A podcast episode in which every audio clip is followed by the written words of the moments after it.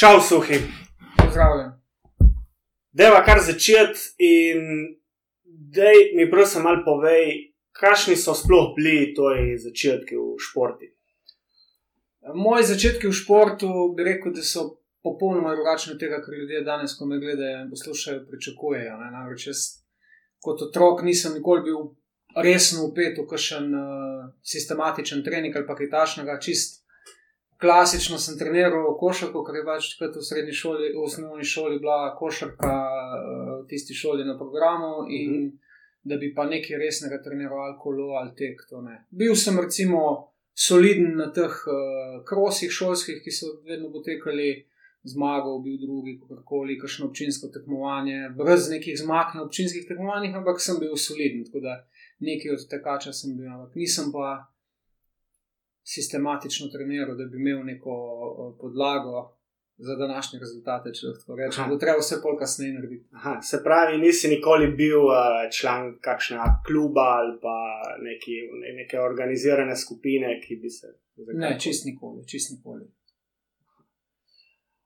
Um, se pravi, si s športom tako res uh, konkretno začel kasneje, koliko si bil star, recimo, ki si, ti si začel malo bolj aktivno s to, to športno kariero.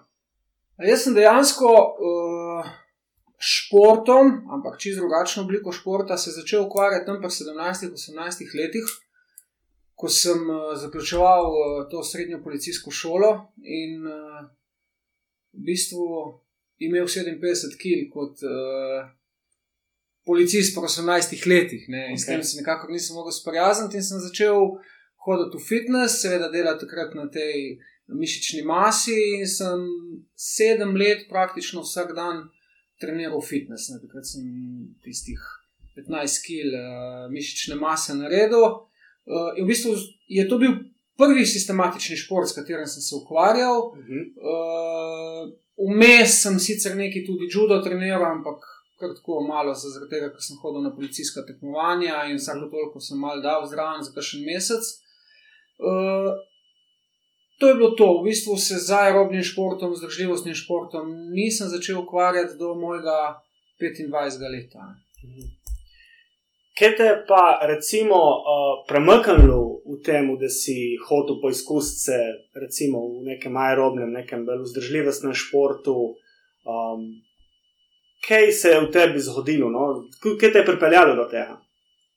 To je ena zanimiva zgodba, ko sem, uh, jaz sem bil spet takrat v policiji in uh, policija je vsako leto organizirala na državnem nivoju uh, mnogoboj in seveda za ta mnogoboj so bile potem uh, kvalifikacije na nivoju posamezne policijske uprave. In ne vem, Mhm. po kakšnem ključu sem jaz enkrat uh, šel na to.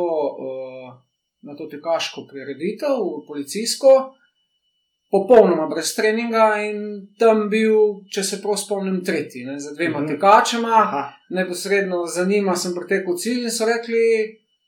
Mislim, s tebe bi pa lahko bilo, ne, če bi mal pustil te svoje grde navade in to.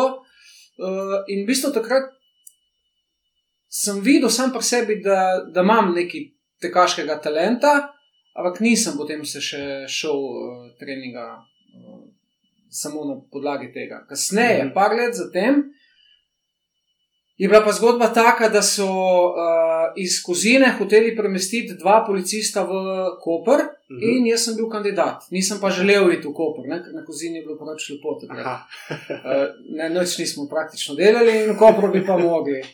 Uh, tako da spomnim se, da sem bil že na razgovoru v Kopru, zato da bom šel delati v Koper, ko mi zazvoni telefon in mi reče komandir, da če grem v uh, ekipo za posebno enoto, za policijsko pravo Koper, mhm. ostanem na kozini, Ok. seveda je to pomenilo, da bom mogel malo trenirati in to.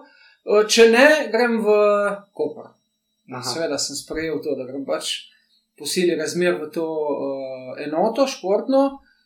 In takrat sem v bistvu začel nekako uh, trenirati, malo smo potekli, uh, v tej enoti je bil takrat tudi uh, moj dober prijatelj Matej Paradiš. Mhm.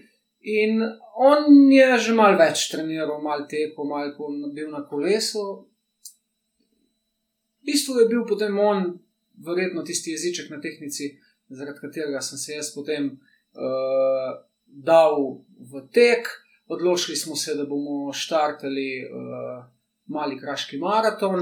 Ja, takrat sem imel jaz že 25 let, v bistvu, da se je vse to skupaj dogajalo. In se spomnim, da sem uh, naredil pet treningov, šel na mali kraški maraton in odtekel odkrat za mesanskih 41, uro 42 minut. In, uh, in takrat je mi naredilo nek klik, da bi jaz rad, uh, da mi je to všeč in da bi rad se s tekom ukvarjal. Na začetku se pravi, na začetku je bil samo tek. Um, ali si mogoče si kombiniral še fitness in tek, in tako, ali si zamenil? Ne, fitness uh, se je v bistvu. Uh, začel tam leta 94, in ko sem rekel, sedem let sem ustrajal, do 2-1. Eh, takrat še nisem tekel, ko sem končal s fitnessom, ampak moj fitness je končal na ta način, da sem jaz na neki policijski tekmi v Džudu si zlomil komovc. Uh, in takrat sem uh, rekel, ne, ne grem se več tega, ker enostavno, če češ Džudo, se jih zaprav, moraš redno trenirati. Ne moreš dva tedna trenirati na tekmo, ker smo vsi smo bili polomljeni praktično. Tako da sem se tudi jaz zelo komovci, nehal s fitnessom. Ja. In uh, spomnim se, da sem tako fajn, uh, fajn imel probleme s komovcem, hodil na fizioterapijo, uh, nisem mogel stenati komovca in dobil celo 4-procentno. Invalidnost na račun tega komovca. In se spomnim sam po sebi, ko sem si mislil, eh, sej, ne, itak plav v življenju, nikoli ne bom, da bi rabo za komoc. No. Ampak eh, se ni, se ni obrnil ravno tako. Uh, se pravi, uh, kraški maraton, uh, kjer si dosegel z, praktič, z praktično ni, nič treninga, zelo, zelo soliden rezultat. Da mi povej, kako je pol šlo od kraškega maratona do triatlona, kako si pol prišel v triatlon? V bistvu, uh, jaz sem takrat uh, šel prvič na ta kraški maraton, potem sem spomnil, da sem šel še na en tek, uh, tek na slavnik. Uh, Mal več treninga sem naredil, takrat pa sem šel na ta tek na slavnik, pa sem bil soliden. In sem v bistvu kašno leto samo tekel. Uh -huh. uh, in potem se spomnim, da je rekel, prijatelj Matej, prediš da obstaja uh, triatlon in v sklopu triatlona, da obstaja neka uh, um, v bistvu promocija triatlona. Mislim, da se je imenovala Triatlon za vse. Ali ne vem, kako se je imenovala, vem, da so v sklopu tekem normalnih za pokal imeli še krajše triatlone, za, uh mhm. -huh. tudi dan danes še to poteka, uh -huh. no, ampak že takrat so začeli. Uh, Eh, za nas, ki v bistvu v triatlonu nismo imeli pojma še takrat. Uh mhm. -huh. In uh, je bila razdalja taka, ki bi jo načeloma lahko vsak uh, uh -huh. oddelal in se v njej proval. In tako je Matej takrat šel v Kočevje. Uh, narediti ta triatlon, prišel navdušen domov, da kako je to fajn, da je to lepo. In uh, seveda ti da misliti, glede na to, da smo skupaj trenirali, skupaj migali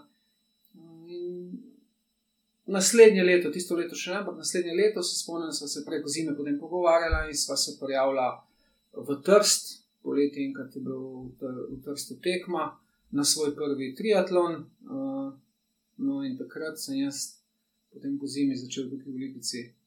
Uh, S temi mojimi plavalnimi treningi. Uh, škoda, ker nimam posnetka, kako je to izgledalo. Ker sem še relativno fajn bil napihnjen od tistega mojega fitnesa. Uh mhm. -huh. Ker tudi fitness sem se šel resno, tako kot se grem zdaj triatlon. Ja, ja. To je tudi bilo videti na meni. Ne? In pol s tistimi napihnjenimi uh, rokami, maho po vodi, tako da je bil smeh. Zanimivo. In um, se pravi, v Trstu si bil, katerega leta je, je bilo to? Če sem čisto odkrit, uh, jaz mislim, da je, bila, da je bilo to leta 2000 štiri, uh, ampak bi mogel prav pogledati nazaj, če je bilo. Mislim, da je bilo 2004, zaradi tega, ker to je bilo uh, tri leta pred tem, ko sem se odločil, da bom šel, oziroma ko sem šel narediti pol svoj, svojega prvega aerona. No, vse do, do, do Ironmana se bo, se bo še vrnila, se bo tudi to večji del tega pogovora. Ampak da mi povej, na tej prvi tekmi, kako ti je šlo, oziroma kaj se najbolj spomniš od te tekme, kaj je bilo tisto, kar te je pri triatlonu najbolj navdušilo? Najbolj me je navdušilo raznolikost treninga. Zaradi tega, ker čeprav sem bolj kot ne na začetku sam tekel, uh, pa nisem niti količinsko toliko tekel kot tekači tečejo. In vseeno mi je bilo malo dolgočasno, monotono in tako naprej. Mm -hmm. uh, Mal smo tudi kolesarili, takrat sem imel gorsko kolo in smo šli včasih na kolo. In mi je enostavno bilo všeč ta raznolikost mm -hmm. uh, treninga. In uh, potem, ko sem pa šel uh, proba dejansko ta uh, prvi triatlon, mi je bilo pa všeč, kaj pa vem, jaz sem tekmovalen, vse, kar se je dogajalo, mi je bilo všeč. Uh, spomnim se obupnega trpljenja v vodi, ne, to je bilo mm -hmm. za me. Ne znam povedati, kakšna muka mi je meni bila v tisti vodi -hmm. na začetku, ampak ne samo na prvem, to je trajalo prva štiri leta mojega triatlona, da sem trpel v vodi. V bistvu tega se spomnim, da, da sem trpel v vodi, da sem se vdahnil, ko sem se skopal ven z bazena in šel na kolo, sem bil soliden s kolesom, na kolesu. Uh, še danes se spomnim, da sem uh, na svojem prvem triatlonu kolesaru v zavetrju uh, Mateja Šimic, oh. ki je takrat se prebijala naprej, ja, ne cele proge, da sem jih lahko držal. in uh, da sem bil dober na teku in seveda pol vidiš, ne, da tam je prehitev, pa me mogoče naslednjič ne bi smel in potem te to potegne. In... Aha, se pravi, tudi neka tekmovalnost je pol gnala naprej. In... Absolutno, jaz sem zelo tekmovalen, čisto na mhm. vseh področjih v življenju. In, uh -huh. me, me ni sram tega, no, kaj sem, tako s tem živim in to mi všeč. Uh... Odlično. Um, kako je šlo pa pol naprej? Tukaj v Trstu si se pol navdušil nad triatlonom in to pač tekmovanjem samim in vsem. Kako je pol šlo naprej no, um, v triatlonu? Si pol šel, ne vem, naslednji vikend že na naslednjo tekmo ali je tu. Uh... Ne, ne, ne, ne, ne. Jaz sem uh, v bistvu, ne bom rekel, da sem uh, bil cepljen za triatlon takoj po prvi tekmi. Enostavno mi je bilo všeč. Uh, nadaljeval sem uh, s treningi, nisem bil. Uh, Kaj pa jaz vem, tako odločen, to je pa moje življenje, jaz bom mm -hmm. temu ostal, ne vem kaj. Uh, Všeč mi je bilo, prvo leto sem bil sam na tem triatlonu, uh, pol sem se pripravljal spet za tek, pa malo več teku, malo manj kolesarov, neki smo vmes hodili plavati, nič kaj drastičnega. No, potem naslednje leto uh, je bil že polovični Ironman, se pravi, jaz sem prvo leto naredil od tega, naslednje leto sem se že kar prijavil na uh, polovičnega Ironmana takrat je bil še uh, v Gracu. In uh, v bistvu, bom rekel tako, zdaj, če bi jaz bil zelo, zelo dober, recimo, plavalec in tako naprej, bi verjetno se v tisti fazi hotel uh, bolj dokazovati na teh kratkih progah in uh, hotel tekmovati. Enostavno, jaz nisem bil dovolj dober, da bi. Uh, se kratkih udeleževal, preveč sem trpel v tem vodi. In potem sem sam sebi rekel, če že trpim v vodi, raje trpim mogoče uh, tistih 10-15 minut več, mm -hmm. pa potem lahko nekaj dokažem tam, ker vem, da lahko, ne, mm -hmm. recimo in na kolesu, in še posebej uh, na teku. In se mi zdi, da to, da smo se potem leta 2006 že prijavili za naslednje leto za Ironmana, čist neka logična posledica. Uh, tega, kar se mi je dogajalo. Ker enostavno prvič na polovički sem že videl, ki je moja prednost, ki lahko dobim. Bil sem soliden na kolesu, ne vem, kako dobro, ampak soliden na kolesu, bil sem že takrat vrhunski. Uh, Amater v teku, uh mhm. -huh. in uh, seveda, pol naredijo klikari, in si rečeš, mogoče bi pa jaz na, na maratonu, ne, uh, uh -huh. V smislu na Ironmanu, lahko malo več pokazal, mm -hmm. z kakšnega ste sta sem. In na tak način se je potem razvila ideja, uh, leta 2060, pa za 2007, da pojavimo uh, v rod na prvi raven. Se pravi, je ta želja po tem velikem Ironmanu v bistvu dozorela v tebi precej hitro. Ne? Nisi mencal, vem, več let ali pa, pa vem, najprej sprint, olimpik, polovička, vem, prve tri leta, pol pa. Ne, vse skupaj se zelo hitro odvija, lahko bi rekel. Se pravi, 2-4 sem naredil prvega, prvi triatlon, sprint triatlon, Trsto, 2-7 sem že naredil prvega Ironmana. Uh, tako da, ja, hitro se je razvijalo, čeprav so pa minila tri leta, ne, mogoče, mm. mogoče do še hitreje. Ne. Mislim, mm. so ljudje, ki se na prvi triatlon verjetno prijavljajo na Ironman. Tako, prej si omenil, da si zelo tekmovalen. Um, je bil tukaj mogoče um, razlog za recimo, tudi prijavo na Ironman? Je bila tukaj kakšno rivalstvo, mogoče s kakšnimi prijatelji, ali si hotel recimo sam sebi dokazati, da okay, jaz to zmorem, verjamem, da bi lahko bil v tem dober. Jaz ne bom rekel, da ni, ni rivalstva. Jaz in uh, Matej, Radiš, sva v bistvu od samega začetka naših športnih velika rivala, ne? čeprav mm -hmm. sva ta boljša prijatelja. Mm -hmm. Ampak v zadju, uh, ne, ko razmišljaš, ko treniraš, imaš verjetno zmeraj nekoga v mislih, ne, mm -hmm. koga bi rad prehitev. In ja, jaz sem imel njega uh, v mislih. Ampak prvega, na prvega Ironmana sem se resno prijavil z idejo, da ga naredim. Mm -hmm seveda, pol s treningi je ta ideja dozorela do tega, da hočem nek čas tudi doseči uh -huh. in tako naprej. Ampak takrat nisem imel nekoga v mislih, konkretno njega, da bi ga pa. Mislim, ne spomnim se, da, imel, da mi je bila glavna želja njega prehiteti. Mm -hmm. Meni je bila glavna ideja in glavna želja iti pod 10 ur, to, bila, mm -hmm. to so bile moje sanje. Ampak skozi celo kariero verjamem, da vsak športnik ima vedno nekoga za motivacijo, če lahko mm -hmm. rečem. Uh, in to je tisto, kar nas pač žene naprej. Absolutno. Um, Omenil si, se pravi, tudi na prvi Ironman, ki si šel, si imel nek cilj. Nek, nek, kar, dosti Ironman ali pa triatloncu pravi, da Ironman dejansko ne da ni težek, ampak resnično težek postane takrat, ko si začnemo postavljati neke časovne cilje. Ne? Uh, Um, se pravi, ti si, si že na prvi tekmi praktično postavil cilj, da greš pod 10 ur, kar je zavidanja vredna, vredna rezultat.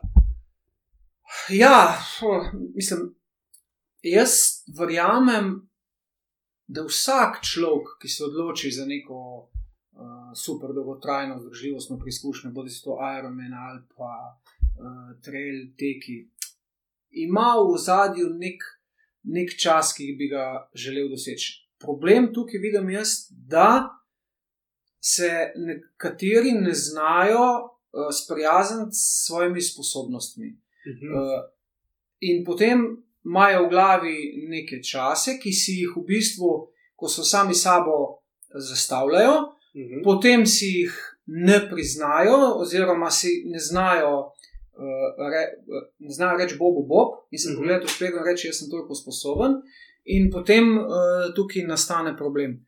Uh, jaz sem si dejansko zadal tihi cilj, da, bo, da bi šel po 10 ur, mm -hmm. uh, vedel sem, da sem sposoben. Pojma nisem imel, kaj na Ironmanu pričakovati, uh -huh. uh, res nimaš ideje. Ne? In uh, nisem imel nobenega plana, nobenih izkušenj in sem se pač zagnal v tisto tekmo, uh -huh. uh, ko svinja v koruzo. Na koncu se ni šlo za tistih borih 46 sekund, ampak. Uh, ampak dobro, vseeno zelo, zelo blizu. No? Mislim, da si to 46 sekund za prvič, brez izkušenj, uh, je, je, je, je kar konkreten rezultat. Ne? Ja, bil sem navdušen.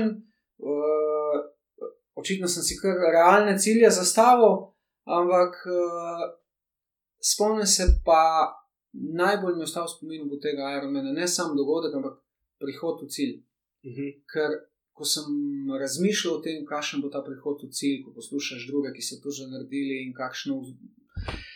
Vzhičenje in veselje in mm -hmm. navdušenje to je.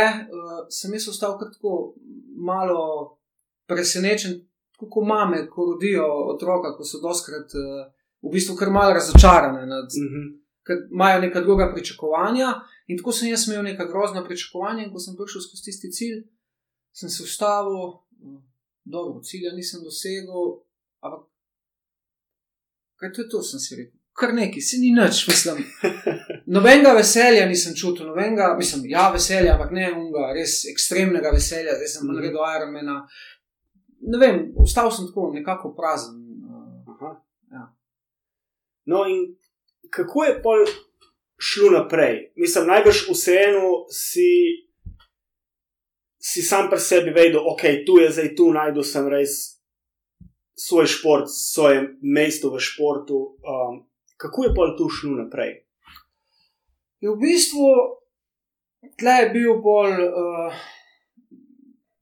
ena velika dilema je v, v zadnji oblak, ki sem jo imel jaz in ko ima praktično uh, 99,9% uh, triatloncev, ki se gremo Ironmana in to so v bistvu na nek način finančne težave. Ne? Ker vemo, Mhm. koliko tak Ironman stane, od opreme do prijav. Uh, Da niti ne pomislimo, koliko damo samo za benzin, ko se vozimo plavati in trenirati sem in trenirati kaj. Mhm. Torej, bil je finančni problem.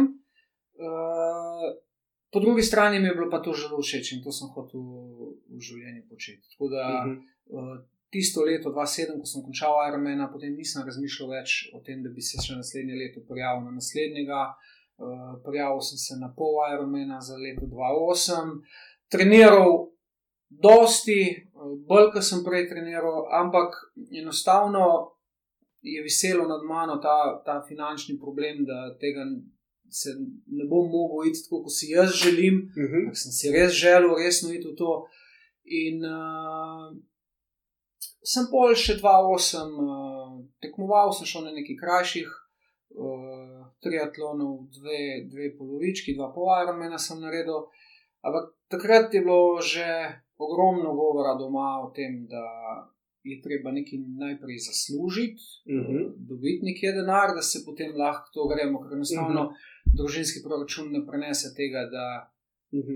da se grem na tak način, jaz, kot sem si želel, uh, triatlon. No. In takrat smo nekako začeli razmišljati, oziroma jaz sem začel razmišljati, da bi, kaj povem, se nisem vedel kaj, ampak da bi delal neki, nek posel ob službi kot policist Mhm. mm -hmm. takrat, da bi še nekaj zaslužil, da bi se lahko šel potem te Mhm. uh, scene malo bolj resno. Uh, in dejansko sem se odločil takrat, uh, da bom zmanjšal triatlon. Po letu 2008 sem popolnoma nehal plavati, Mhm. uh, kolesaril sem praktično nič, včasih sem se šel s kolesom, edino, kar sem ohranjal, je bil uh, tek. Mhm. Tek, bi rekel, sem zmeraj bil nekje uh, na nekem nivoju dobrega materija, tako bom rekel, ker uh, vemo, kako je s tekom. Ne, tek, ne, petkrat na teden po eno uro, pa se da uh, dosti narediti. Mhm. Ne, triatlon, kolo še posebej pa zahteva dosti več. Ne. Tako da v bistvu sem 2-8 nehal s triatlonom, uh, začel razmišljati o tem, kako bi v življenju kaj zaslužil. Uh, in potem mi je nekako leta 2010 padla sekera umet, ko sem začel po televiziji poslušal, še zdaj se spomnim dr. Radota Pišota, ki je predstavljal kineziologijo v Kopru. Mhm. To je bilo pa potem nekaj, kar eh, je naredilo spet še en klik v meni. Mhm. Uh, namreč jaz sem že leta 96, takrat, ko sem končal srednjo policijsko šolo, imel željo se upisati na, na športno fakulteto v Ljubljani, ampak zaradi spleta okoliščin to ni bilo mogoče Mhm. uh, in tega nisem realiziral. Tako da sem uh, vmes potem naredil upravno, uh, fakulteto za upravo, tako da v bistvu sem se na nek način rešil ceste v uniformi in bil potem med kriminalisti. Mhm. Uh, in sem torej imel uh, diplomo že v žepu, in leta 2010, ko so naredili ta uh, aplikativno kineziologijo v Kopru, sem jaz to videl po televiziji. Mhm. In še zdaj se spomnim, da sem 12. februarja leta 2010, na moj rojstni dan, uh, šel uh, na informativni dan Mhm. v Kopru, tam se dogovoril, da se lahko pišem prvi letnik magistrskega študija aplikativne kineziologije, eh, da ob študiju rednem izrednem. No, takrat naredim mm -hmm. še tiste tri diferencialne izpite. In to je bila prelomnica v mojem življenju, mm -hmm. uh, sigurno, ker jaz sem tisti študij zagrabil, tako kot sem vsako stvar, ki sem se odločil, da bom zagrabil. Uh, in uh, v bistvu je to zgodba, ki je pripeljala do tega, kar se danes gremo in danes počnemo. Sej, no, do, do tvojega študija, pač v malce poznejših letih, kot je uh, navadno, se vrnemo uh, tudi malo kasneje. Ampak se pravi, šel si študirati, naredil, končal si kineziologijo, začel si svojo neko poslovno pot, ki ti je pol omogočila dejansko spet bolj aktivno ukvarjanje s triatlonom oziroma z Ironmanom, kot razumem. Um, kako je, se pravi, ker si dejansko nekako poštimal svoje finančno stanje, si pol začel nazaj. Ne? Se pravi, ta želja je v tebi ostajala več čas.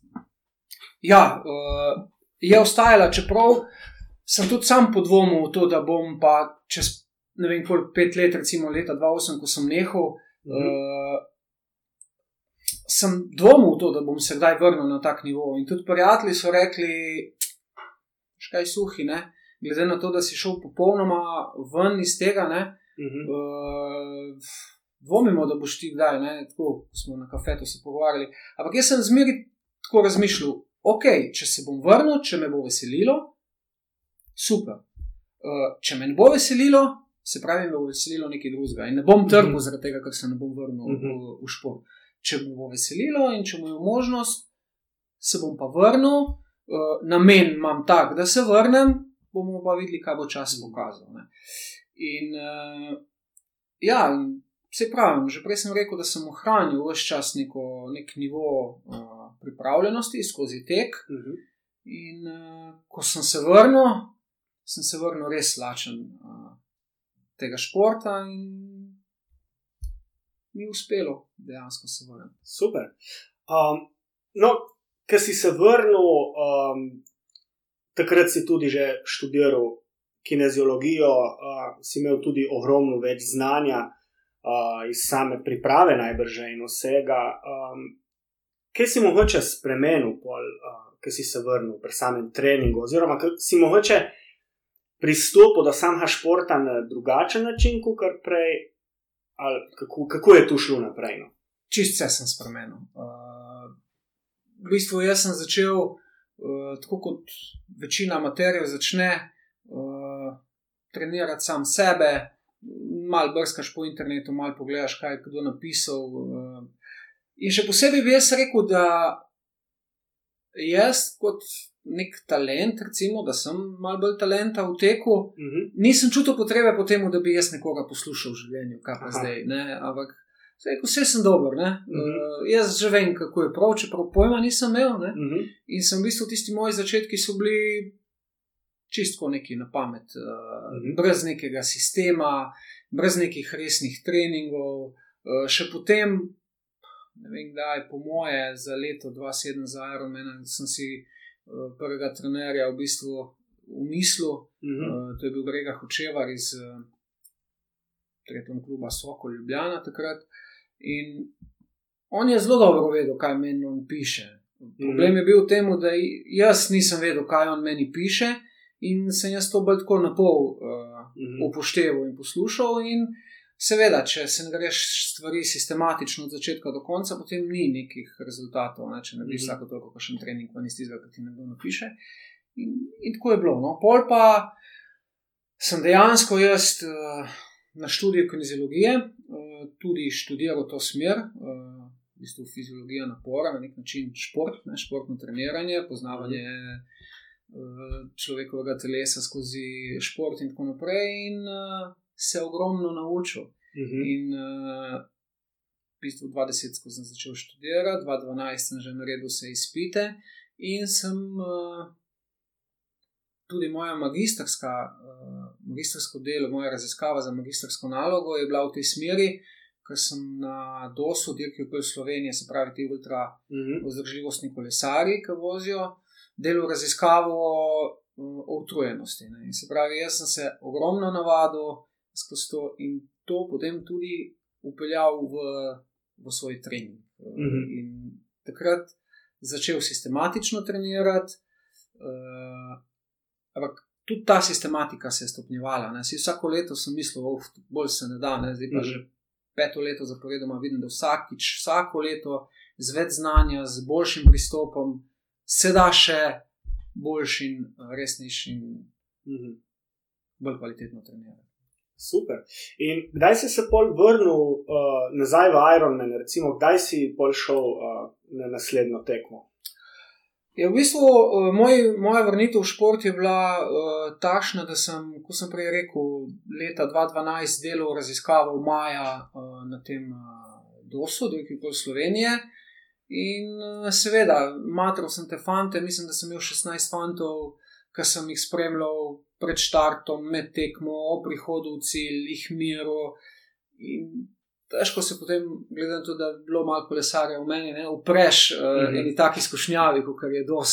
Uh -huh. Uh, tako da sem se leta 2012 na teh meritvah odločil, da bom pa jaz naslednje leto šel na DOS. In sem dejansko nisem imel, kako bi rekel, poguma, uh, Mhm. da bi sam šel.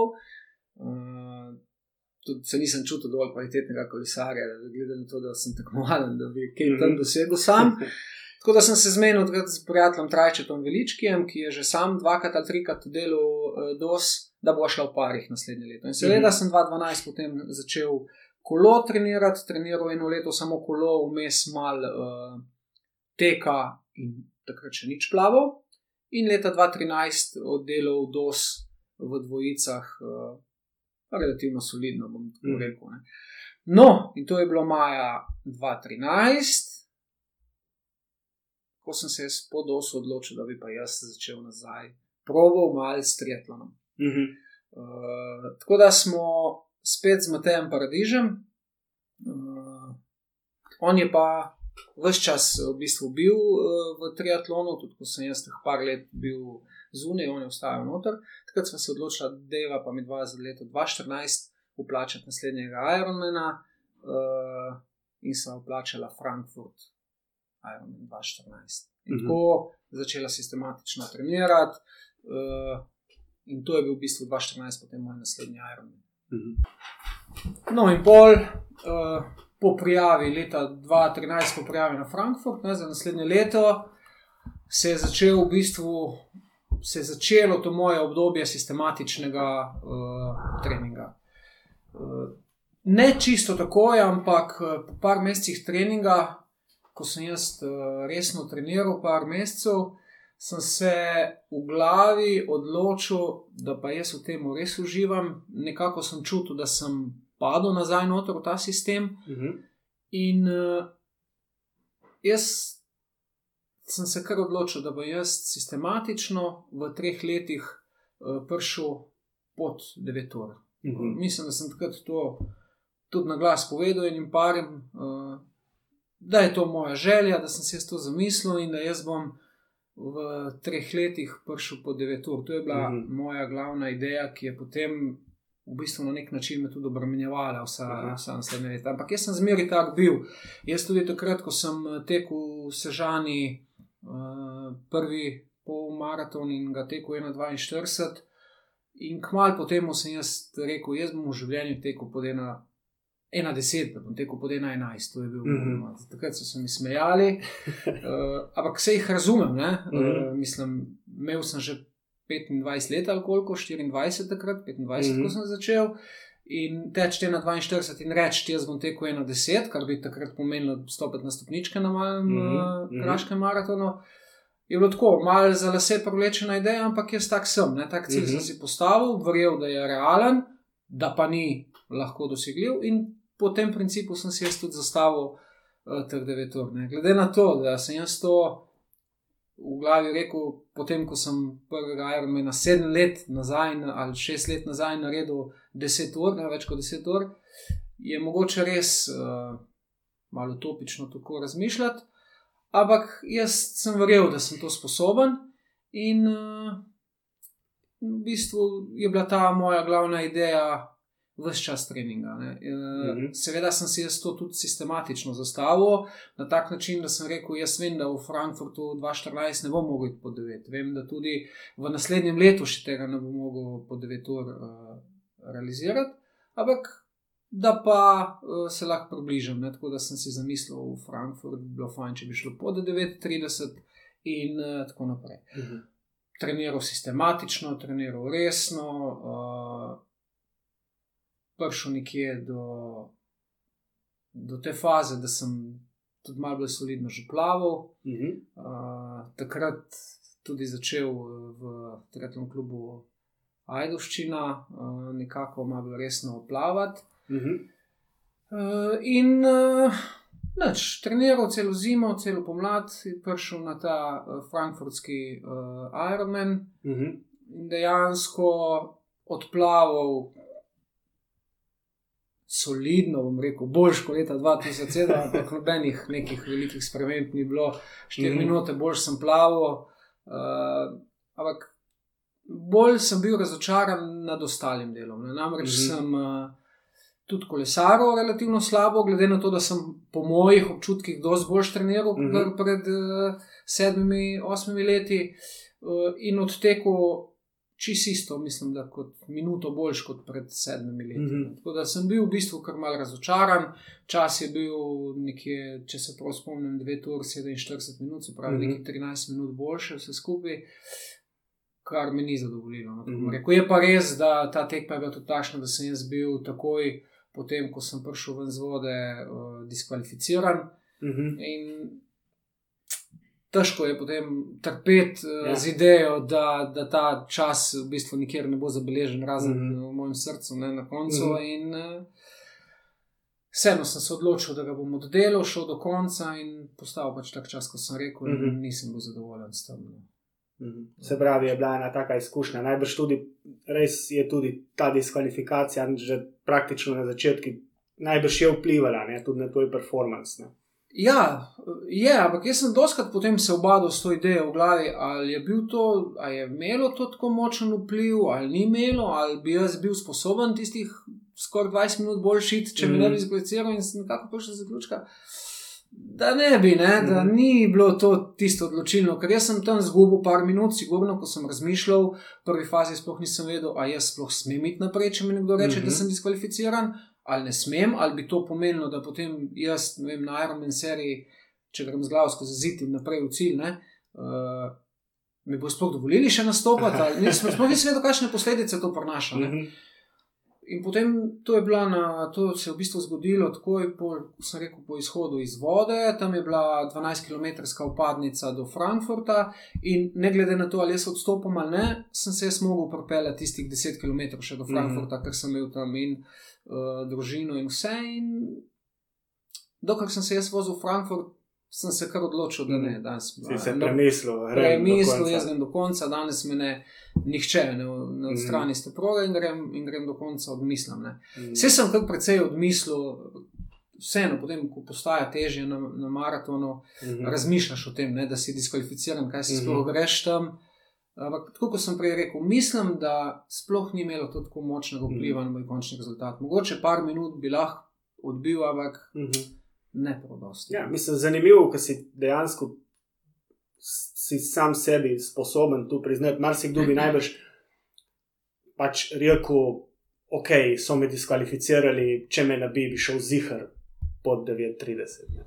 Ja, se pravi, ja, jaz sem se na začetku tolažil, da je to tako. Ja, bolj, ko, uh, ko razmisliš, uh, vidiš, da, da ni, ne, da, da obstaja neka fiziološka meja, ki sem jo takrat imel. Uh mhm. -huh. In uh, eno je fiziologija, ne? drugo je psihologija. In uh mhm. -huh. eno z drugim mora iti, če češ imeti dober performance. Ampak jaz pravim, sam psihologija ne pomaga. Ne? Če ni fiziologija od zadaj, če, uh -huh. če ni telo pripravljeno ti z glavo, ne moreš iti. Ja, ker pol bi realno nekdo. Ne vem, kaj postavil, mm. lahko samo z glavo, pa ne gre, ne, če mm. telo ne dovoli. Pač. Mm. Okay. Uh, se pravi, si pol, recimo, v enem letu naredil 13 minut nekako napredka. Um, Tvoj cilj je bil pa še, še tri, četur, tri četrt ure uh, nižji. Ne? kaj se ti je takrat tebi podilo po glavi um, na način, ok, v enem letu sem naredil samo 13 minut, imam pa sam še dve leti časa, ne, da dosežem ta. ta Svoj cilj si takrat mogoče dodatno še kaj spremenil pri treningu, pri samem pristopu. Kako, kako si šel naprej? No? Uh, ja, v bistvu sem imel tukaj še tri, ne, praktično, ker sem nekje po zimi iz 2013 na 2014 mi je dozrela ta ideja, da bi jaz pa lahko enkrat v življenju šel po 9 uh -huh. ur in pol 2014 je bilo to, kar sem zdaj povedal, da je bilo. Uh, in sem imel nekako še tri leta. In ne vem, po kakšnem ključu sem se odločil, da 2015 ne bom nastopil uh, na nobenem Ironmanu, nobenega Ironmana nisem plačal leta 2015. Sem pa res kvalitetno uh, začel trenirati. Uh, v bistvu, tako kot sem prej rekel, da sem začel plavati v tretjem klubu Ajdoščina, uh, je tam bil trener uh, moj dolg kolega Maj Blatnik. Brez njega, mojega plavanja danes ni, ne bi bilo, da se moram zahvaliti. Uh, in takrat sem jaz v bistvu v plavanju videl nek napredek. Ne? Res sem bil mm -hmm. zmeri prepričan sam pri sebi, da jaz kot neka fitness želva ali kaj sem takrat bil, mm -hmm. ne bom nikoli plaval boljš kot ne vem. 1,12, to je mm -hmm. 1,10, jaz boljš kot 1,10, ne morem plavati in mm -hmm. Lahko naredim ne vem kaj. Ne? In takrat, ko je pa maj me primil roke, uh, uh, se je nekaj v meni spremenilo. In jaz sem zmeraj bolj rad, sem imel plavanje, zmeraj več sem uh, plaval, rajš sem šel tja v tisti bazen in sem uh, dejansko zelo sistematično potem začel še bolj v bistvu. Mm -hmm. Trenirati, kljub temu, da nisem imel nobenega Ironmana za 2015, mm -hmm. planiranega. Enostavno sem se odločil s tisto idejo v glavi, da bom šel po 9 ur, da moram jaz mm -hmm. trenirati, da moram dvigati uh, nivo v vseh disciplinah. Jaz, če nazaj pogledam, bi rekel, da je bilo plavanje tista prelomnica, ki je meni mm -hmm. v mhm. bistvu potegnila tudi, da sem jaz začel verjeti, da pa res lahko to mm -hmm. naredim, ker sem videl, da bom tudi plavanje napredoval. Plavanje je tudi tista disciplina, ponavadi pri triatloncih, še posebej pri tistih, ki začenjajo malo kasneje, ker je dejansko najbolj problematična. Ne? Tudi pri tebi, ko si omenil, je bila, ne? se pravi, ti je tudi ta napredek v plavanju, ko si, si sam sebi dokazal, da pač lahko spremeniš, da lahko napreduješ, tukaj ti je dalo največ to dodatno motivacijo. Točno to, to je, to je bilo tisto. Jaz sem vedel, da lahko. Uh... Tečem hitreje, vedel sem, da lahko natreniram kolo, da bom šel hitrejši. Uh mhm. -huh. Da bo hitrejši, nisem pa verjel, da, da lahko jaz plavam hitreje. Uh mhm. -huh. Zaradi tega, ker sem rekel, ne, jaz sem itak. Uh, uh, ne gibljiv, pa imam probleme takšne in drugačne, pa sedem let sem uh, dvigoval teži, pa imam so, uh -huh. uh, moja mišična vlakna popolnoma mhm. drugačna. Uh. Ampak ne, pol, ko pa začneš resno trenirati, ko je pristop k plavanju čisto drugačen, do takrat sem namreč sam plaval, ne, potem uh mhm. -huh. sem se jaz pridružil tej skupini, ker je bil maj in tako naprej. Pa sem povedal, da pa ta stvar ni tašna, ne, da se -hmm. da. Uh, imel sem takrat tudi še službo tašno, bil sem, uh, bil sem uh, inštruktor v policiji, kar pomeni, da sem praktično vsak dan uh, s policisti uro in pol uh, izvajal vadbo. -hmm. In če smem to povedati, tudi malo izkoristil to v svoj prid, da sem v sklopu te vadbe z njimi delal strečing oziroma raztezne vaje mm -hmm. vsak dan. Uh, vsem je koristilo in njim in meni. In mm -hmm. tudi to je bil kanček v mozaiku, da sem jaz potem uh, malo bolj. Uh, Malo bolj hitro plaval. Tako da, ja, mhm. plavanje je bilo je definitivno tisto, ki je v meni v sezono 2014 in 2015 potegnilo naprej. Mhm. Kljub temu, da 2015 nisem imel uh, Ironmana, imel sem polovične Ironmane in tako naprej, to je, ampak Ironmana mm -hmm. pa 2015 ne. Se pravi, 2015 pauza in pol 2016 pa ponovno celovec, ne, če se ne motim. Tako, uh, 2015 uh, bi bilo treba že kar plačati ne, za 2016 uh, celovec, mm -hmm. vemo, da ti.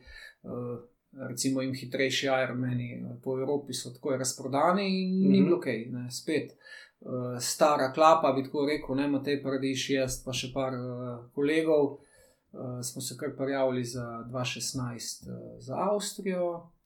In, in v bistvu od, od tistega trenutka naprej je v bistvu šlo tako gor kot do tam. Stopnička po stopnički, vse čas sem videl napredek, vse čas je šlo gor. Uh, plavanje je prišlo že do tašne stopnje, da nisem mogel niti verjeti, da jaz lahko do tam uh -huh. pridem. Uh, in uh, povsod sem čutil napredek in v teku, in v kolesu. In, vak, tukaj v zadju je pa ena druga zgodba, za katero sem pa jaz stoprocenten, da brez tiste zgodbe, ne, Uh -huh. uh, kar se tiče konkretno prehrane, jaz do tega občutka, do tega uh, sploh ne bi prišel. Uh -huh. Uh -huh. Tako da v bistvu takrat sem jaz že bil na čisto drugačni prehrani. Mhm. Uh, in v bistvu je to tudi en del uh, zgodbe. Se pravi, pol Ironman celovc, kaj se je pol takrat tam zgodilo? Ne? Spremenil si, še bolj sistematično si treniral, popravil si res konkretno plavanje, šel si na nov način prehrane. Kako je pol, kakšen je bil rezultat pol v celovcu? Si se že precej približal svojemu cilju ali kako je šlo? Ja, v celovcu sem, po mojem mnenju, oddelal super tekmo. Plaval sem uh, uro in šest minut, se mi zdi. Ja, uro in šest minut sem plaval, sicer sem pričakoval kakšno minuto boljš, Mhm. ampak ni bilo hudega, nisem, nisem bil preveč razočaran po tistem eh, rezultatu. 1-6 je bilo čisto v redu. Mogoče sem malo več pričakoval eh, na kolesu, glede na to, da sem 5 ur in 4 minute, se mi zdi, kolesaril, pričakoval sem tam 4-55. Uh, tako da tam sem bil malo razočaran na kolesu, imel sem sicer dež v drugem krogu, ampak spet ni bilo dežja Mhm. za 10 minut, ne, ampak je bilo Mhm. za kakšne 2-3.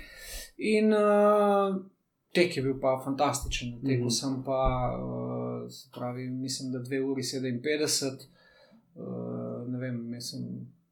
Kar se nekateri profesionalci trudijo, da tečejo. Točno to, mislim, tam na tisti tekmi je bilo prijavljenih 30 profesionalcev, sigurno, jaz sem imel pa, vem, absolutno 16 čas teka od Mhm. vseh 3000, kar nas je bilo na štartu. ne, Mhm. Tako da uh, je, bilo, je, je bil tek v bistvu perfekten. uh, Mhm. ne. Tako da skupni rezultat je bil 9 ur in 12 minut, uh, kar je v bistvu takrat bilo že kar. Kar, kar konkreten napredek. Tako, za, kar ponosen, kar ponosen sem bil na tisti rezultat Mhm. takrat. Tam mislim, da je še ena zanimiva zgodba iz teka, uh, kjer sta tekla s uh, zmagovalcem uh, iz Ironmana skupaj. Ne? Ja, to je bilo tako, ko sem jaz uh, šel v drugi krok teka uh, in tekel skozi park, uh, sem slišal, da se mi ta Marino von Honacher, ki je v bistvu tisti dan zmagal, približuje, ker je šel motor mimo mene s kamero, pa kolesar Mhm. se mi je približal. In jaz sem pač tekel svoj tempo, in Marino takrat nekaj časa ni bilo do mene, kakšen Mhm. mm. kilometr je rabo, da je prišel do mene, in potem me je v bistvu dohitel. In ker sem jaz čisto podobno tekel svoj tempo, on dosti bolj hiter kot jaz ni bil, sem se jaz odločil, da bom pač z njim probo teči, dokler bo šlo. Ne? Mhm. Počutil sem se super in sem dejansko tam celih 10 km v bistvu uh, pretekel z njim. Mhm. Uh, do te, šlo je do te meje, da jaz sem tekel praktično meter zadaj za njim ali pa še bliže. Ne? Mhm. In v eni fazi je začel neki uh, kričati na mene, ne vem kaj, ne, eh, ne znam si niti predstavljati, neke nemške besede je uporabljal, ampak sem razumel, da ga motim, ne, ker Mhm, ni bilo mhm, to 500 metrov, to je bilo po nekih 3-4 km, verjetno je začelo fajn motiti, da nekdo od Age Groupa teče z njim in mi je dal jasno vejo, da me noče zdravim. Tako da sem se Mhm. bolj postavil mal dlje. Ne, mogoče 50 metrov zadaj za njim in ustrajal za njim, dokler nismo v bistvu pol kroga naredila, on je zavil cilj, jaz sem pa Mhm. uh, nadaljeval uh, proti cilju. Uh, tako da, ja, uh, to je bila zanimiva zgodba, ker, sem, ker je on mene dohitel, so bili, ste bili, ne vi, moji navijači. In uh, ko se je on vračal nazaj, ne, sem jaz še zmeraj bil njemu na nogah. Mhm. ne, Ja, tako da- ja, fajn je bilo, fajn. Takrat sem, sicer sem čutil, da, da grem ne 10-15 sekund na kilometr prehitro, Mhm. ampak je bilo enostavno tako Ja, dober, pre- predober eh, feeling. tako, predober feeling, da bi spustil in sem kar Mhm. izkoristil. Mm. Cool. Se pravi, uh, celo od 9-12, še 12 minut je manjkalo, uh, se pravi, do tojega cilja, uh, pod 9 ur. Um, tu se je pol dejansko, si, si ta cilj uresničil, um, in tu se je zgodilo pol na tvojem naslednjem Ironmanu, ne, naslednje leto, se pravi v Barceloni. Uh, da nam mal povej uh, od, od tega, no, kako je bilo v Barceloni, kakšni so bili pol te občutki, ker se izpolni ta cilj in to, uh, kako je bilo? No? Uh, ja, uh, v bistvu tle v Avstriji sem videl, da, da to pa jaz res lahko dosežem. Ne? Če sem mm. tukaj šel 9-12, jaz to lahko dosežem in bom vse naredil za to, da to dosežem. Tako da pol naslednje leto sem, če tisto leto sem pač plačal za naslednje leto za Barcelono.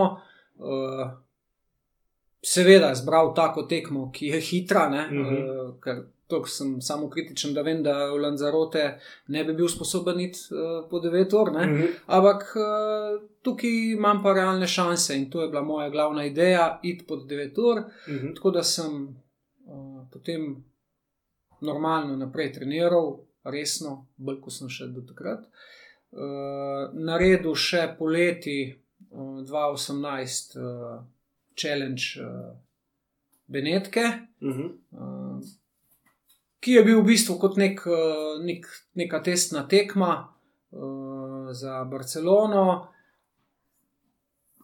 Bolj kot ne sem prišel ven iz teh Benetk, razočaran, uh, ni šlo plavanje, uh, čeprav spet imam izgovor tudi za to plavanje, ni šlo kolo, uh, tako kot sem hotel iti. Mhm. Tek pa ja, tek sem pa v bistvu z neko lahkoto pretekel tistih 30 ali 13. Uh -huh. uh, lahkota, ni lahkota, trpiš, ampak vidiš rezerve.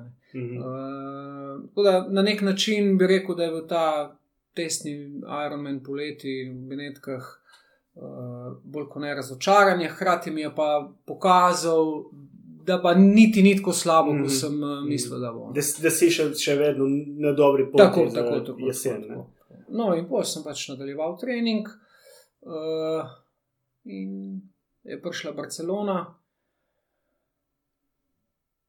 kaj bi rekel, zdaj Barcelona, bila, začelo se je to vse skupaj tako, da je kot neka katastrofa, ker sem takoj po 100-200 metrih plavanja na prvi boj na obratu, kljub temu, da je bil rolling start in da nas ni bilo prav mhm. preveč uh, v vodi, ni bila neka gužva, dobu peto usta. Mhm. Takoj sem čutil, da se mi je ustnica preklala, ker sem čutil kri. Uh, Zastav za nekaj časa, v tisti fazi tudi pomisliš, če boš sploh sposoben do cilja mm. prijeti, ne glede na to, da se ti je po treh minutah nekaj tašnega zgodilo. Ampak mine in enostavno sem šel naprej, pršel z vode, uh, solidnih uh, eno uro, štiri minute. Uh -huh. uh, seveda sem vse ukalkulirano, točno čase, koliko moram kit, uh, da se to izide. In sem bil popolnoma zadovoljen s tem časom. Nadaljeval na kolesu,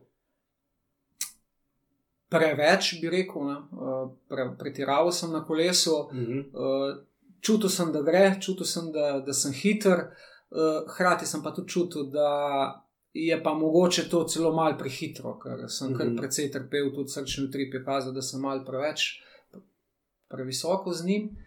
Ampak sem enostavno užival, šel sem čez, uh, potem se mi je še na kolesu to zgodilo, da sem 5 km pred ciljem. Uh, bil je, bili so tri kratki spončki na tej tekmi, tako da to je bolj mm -hmm. ne ravna tekma. Ampak na enem takem spončku je bil uh, Aid Station, se pravi, so dajali pijačo in tako naprej. In točno na tem zadnjem, pet km pred ciljem, sem prehiteval uh, Aleksa Zanardija, ki mm -hmm. tekmuje uh, Ironmane na vozičku. Uh mhm. -huh. In seveda on na klancih je zelo počasen, na ravnem uh mhm. -huh. je hiter, ampak na klancih je zelo počasen v vozičku, ker se pač na roke poriva in jaz sem ga prehiteval. Uh, zapletel z roko, in ko sem zapletel okoli njega, sem udaril po menjalniku elektronskem in mi je ketno vrglo dol. Tako da uh mhm. -huh. sem uh, v bistvu se mogel staviti. Uh, ketna se je seveda zapletla uh, uh -huh. ne, med gonilko, sem rabo kar nekaj časa, da sem to ketno spravil ven, ampak sem jo spravil ven, koliko sem zgubil, tudi ne znam povedati, težko uh mhm. -huh. cenim tisti furi, uh, uh -huh. tistem bezlanju, ne veš, koliko si izgubil, ne, mogoče minuto, mogoče dve, ne vem. Pač pospravil ketno nazaj na svoje mesto, se usedel na kolo in se mhm. odpeljal uh -huh. do konca. Ampak, uh, v, tej, v vsem tem dogajanju, v tem divjanju na kolesu, sem izgubil orientacijo, kje sem s časom. Mhm. -huh. Čist Popolnoma sem se zgubil, Mhm. nisem več vedel, ali sem v noter ali nisem noter. Uh, Potem sem gledal čisto navadno uro, ob kateri uri smo štartali, Mhm. uh, in, in nisem več znal zračunati, ali sem noter ali ne. Mhm. Res. Potem sem prišel na tek, uh, in seveda tek na Ironmanu je vedno tak, da na začetku je občutek katastrofalen, ampak Mhm. s časom mine. Mhm. No, in tukaj ni bilo tako. Se pravi, Aha. jaz sem začel teči, sem rekel, ok, prvi kilometr je težek, počakam še enega, bo minilo, počakam še enega, bo minilo. Ni, to, je, to se je vleklo, vleklo. In po desetih kilometrih, ko bi mogli spustiti, ne, ta občutek še kar ni spustil. Tako da Mhm. jaz sem v bistvu cel maraton pretekel sicer v konstantnem tempu, Mhm. uh, dobrem tempu, ampak z muko ni spustilo. Ne. Če pomislim Mhm. leto nazaj v Avstriji, sem tekel z veseljem, z nasmehom, Mhm. uh, že med samim tekom razmišljal o naslednjem Ironmanu. Uh, tukaj je bila pa res velika muka in uh, od začetka do konca, celih 42 km Mhm. sem trpel, pa vseeno uspel uh, potegniti ven. Uh, Ta 3-0-0-0-0, ne, se pravi, da sem tekel maraton točno v sekundo, točno 3 ure. cilj. Mhm. In šele v zadnjem krogu uh, sem dobil informacijo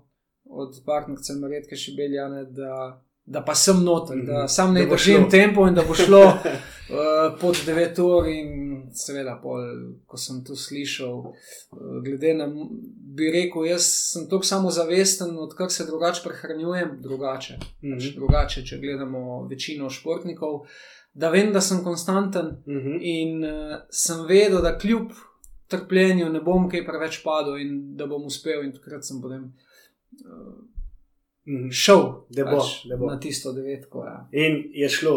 Ko, koliko je bil pol rezultat? Uh, 8 ur 55 minut sem imel in zdaj točno ne vem koliko sekund, ampak Mhm. 8:55 je bil rezultat. In, uh, no, tukaj sem pa potem čutil to srečo, ki sem jo pričakoval že prvič. tako 11 let nazaj. Ja. To, to je pa Mhm. res bil tisti občutek. pravi, da- Zanimivo, se pravi, traja pod 9 ur, da je res. Ja, ja, ljudje smo si različni, ne? nekateri na 17 čutijo najbrž isto kot jaz sem 55.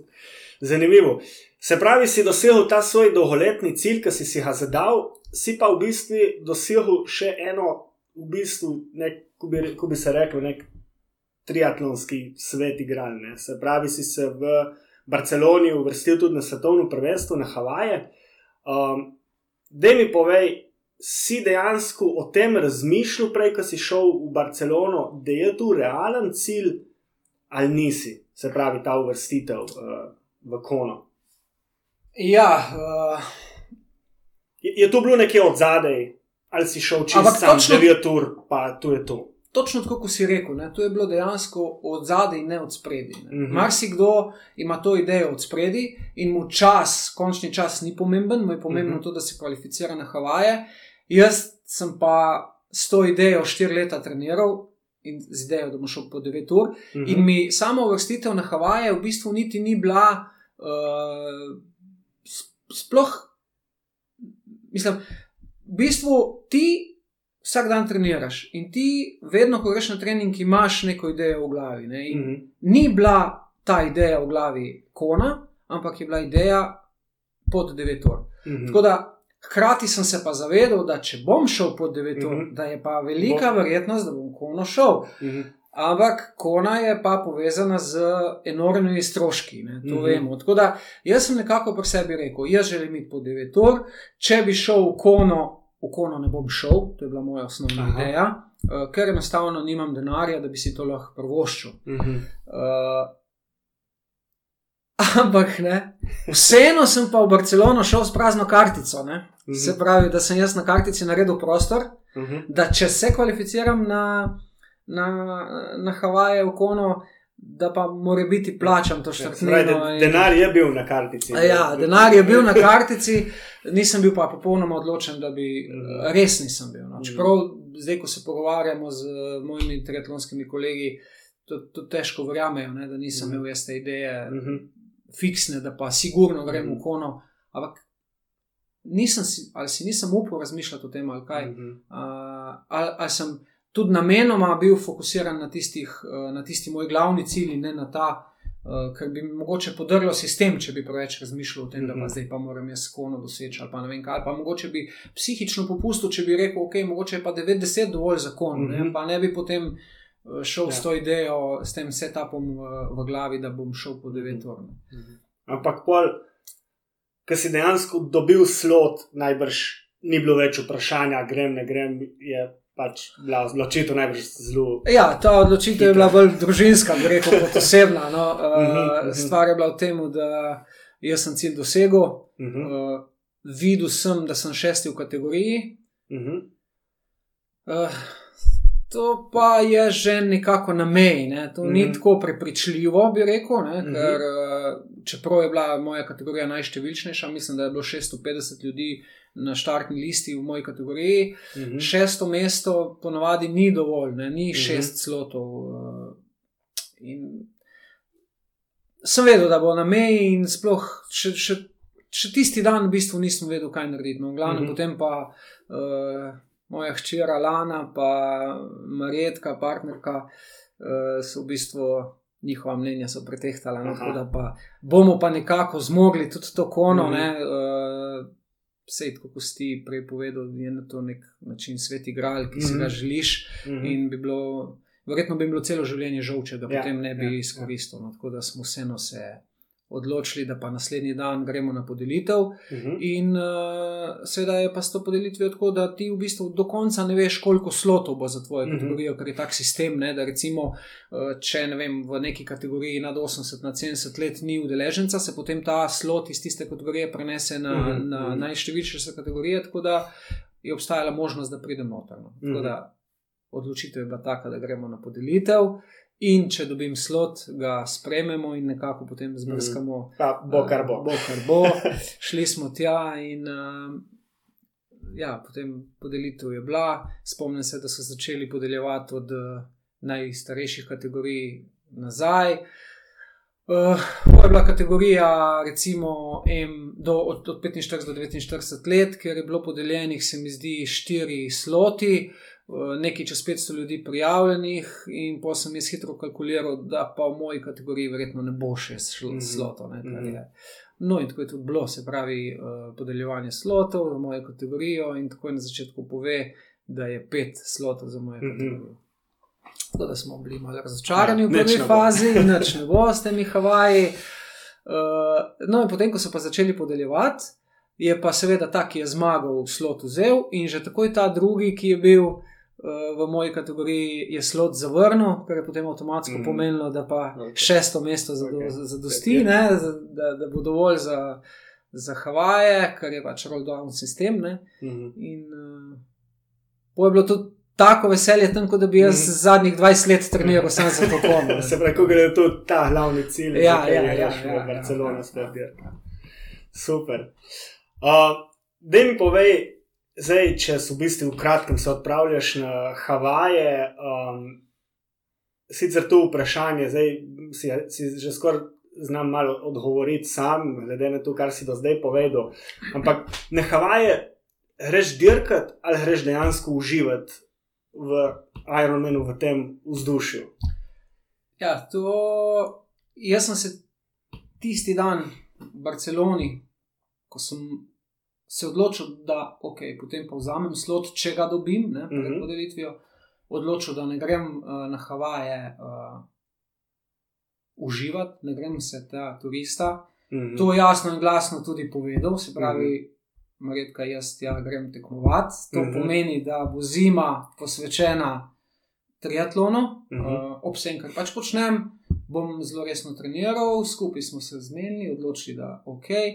In uh, ja, odločil sem se, da grem tekmovati in pokazati, kaj, spos, kaj sem sposoben, in to je to. Mhm. No, se pravi, sem imel zelo dobro idejo o tem odgovoru, že, že vnaprej. Uh, Imáš mogoče na Havajih, ki vemo, da je zelo zahtevna dirka z, z vidika vremenskih razmer, z vidika vem, vetra, uh, tudi sama proga ni ravna. In Tako imaš spet mogoče nek časovni cilj, ki si ga upaš tukaj povedati, ali je mogoče v tvoji glavi.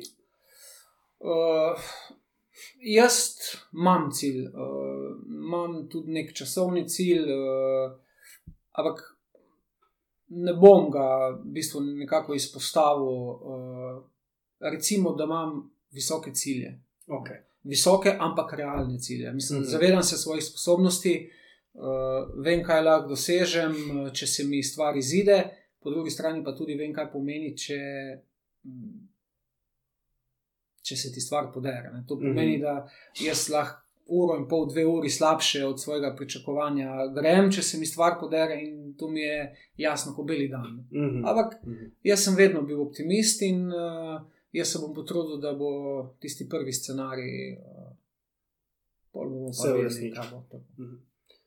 Super. Um,